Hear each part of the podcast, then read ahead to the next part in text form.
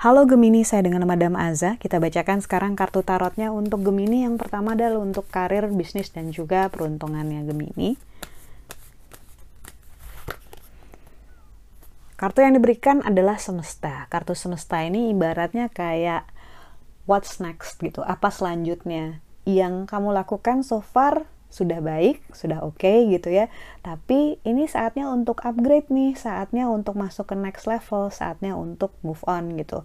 Uh, terlalu nyaman dengan hal-hal di masa lalu ataupun mungkin juga masih berlangsung ke masa sekarang, khawatirnya tidak bisa memberikan kamu perkembangan ataupun growth seperti yang kamu rencanakan ataupun kamu harapkan uh, you expect more from yourself. Saya, uh, kita tahu bahwa kamu mengharapkan lebih dari dirimu sendiri gitu ya. Karena itu cobalah dibikin rencana dan dieksekusi sekecil apa pun itu.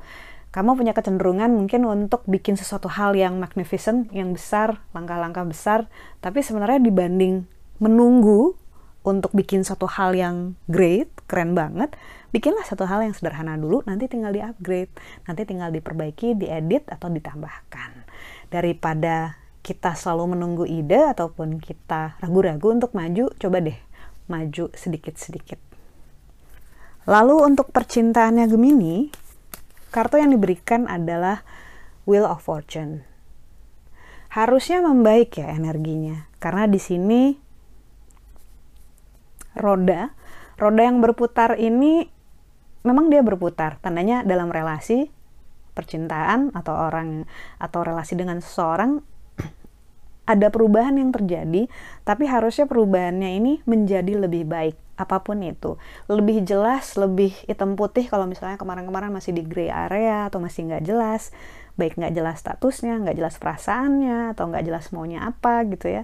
Sekarang harusnya sudah lebih jelas dan itu selalu lebih bagus gitu dibanding tidak ada sama sekali yang bisa dipegang Kartu Wheel of Fortune juga menunjukkan bahwa kalau roda berputar dan yang di atas akan turun ke bawah sama seperti yang di bawah akan naik ke atas, ini adalah masa-masa yang bagus untuk melihat apakah kita masih orang yang sama seperti yang kemarin-kemarin.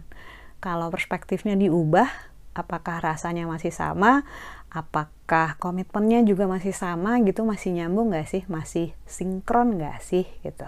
Bagus sekali untuk mengamati itu supaya kita bisa belajar lebih jujur sama diri sendiri dan juga nggak denial. Lalu kartu nasihat yang diberikan untuk Gemini.